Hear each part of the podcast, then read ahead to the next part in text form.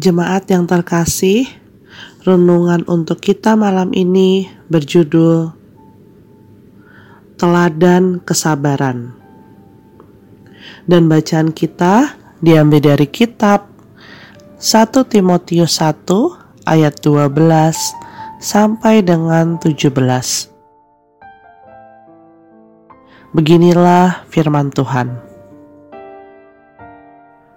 Aku bersyukur kepada Dia yang menguatkan aku, yaitu Kristus Yesus, Tuhan kita, karena Ia menganggap aku setia dan mempercayakan pelayanan ini kepadaku.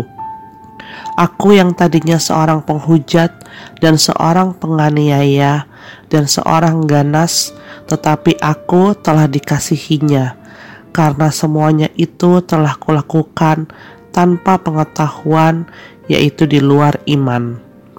Malah kasih karunia Tuhan kita itu telah dikaruniakan dengan limpahnya kepadaku dengan iman dan kasih dalam Kristus Yesus. Perkataan ini benar dan patut diterima sepenuhnya. Kristus Yesus datang ke dunia untuk menyelamatkan orang berdosa. Dan di antara mereka, akulah yang paling berdosa tetapi justru karena itu aku dikasihani, agar dalam diriku ini, sebagai orang yang paling berdosa, Yesus Kristus menunjukkan seluruh kesabarannya. Dengan demikian, aku menjadi contoh bagi mereka yang kemudian percaya kepadanya dan mendapat hidup yang kekal. Hormat dan kemuliaan sampai selama-lamanya bagi Raja segala zaman, Allah yang kekal, yang tak nampak, yang esa. Amin. Kata pepatah, orang sabar itu disayang Tuhan. Pepatah itu benar juga. Kita melihat kesabaran Paulus dalam melayani jemaat Allah membuahkan hasil yang begitu luar biasa. Mengapa Paulus dapat sabar? Ya, karena Tuhan sendiri juga sabar dengan kehidupan Paulus. Kita tahu bersama bahwa masa lalu Paulus begitu mengerikan. Ia menjadi penganiaya jemaat dan mempersulit kehidupan orang Kristen pada zaman itu.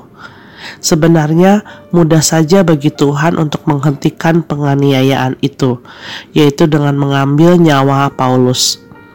Tetapi justru Tuhan memakai jalan yang rumit ia membiarkan Paulus dan di waktu yang tepat menangkapnya kembali. Dan kita lihat bersama betapa luar biasanya pelayanan yang dikerjakan oleh Paulus. Itulah salah satu wujud kesabaran Allah kepada manusia. Ia mau menahan diri untuk menghukum dan memberi kesempatan kepada manusia untuk berbenah dan memperbaiki kehidupannya. Yang menyedihkan, kita sering kali tidak sadar dengan hal ini.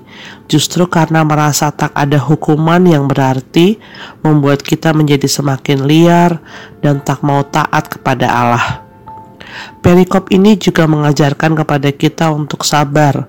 Kesabaran akan membawa perubahan yang lebih baik daripada kita hidup gerasa gerusu. Kesabaran juga menuntun kita untuk dapat melihat segala sesuatu lebih luas, karena kita memakai banyak waktu untuk mempertimbangkan dan memperhatikan.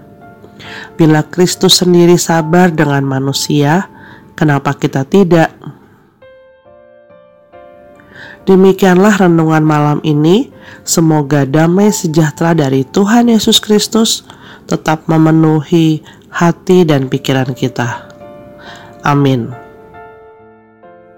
Jemaat yang terkasih, mari kita bersatu hati menaikkan pokok-pokok doa yang ada dalam gerakan doa 21 GKI Sarwa Indah.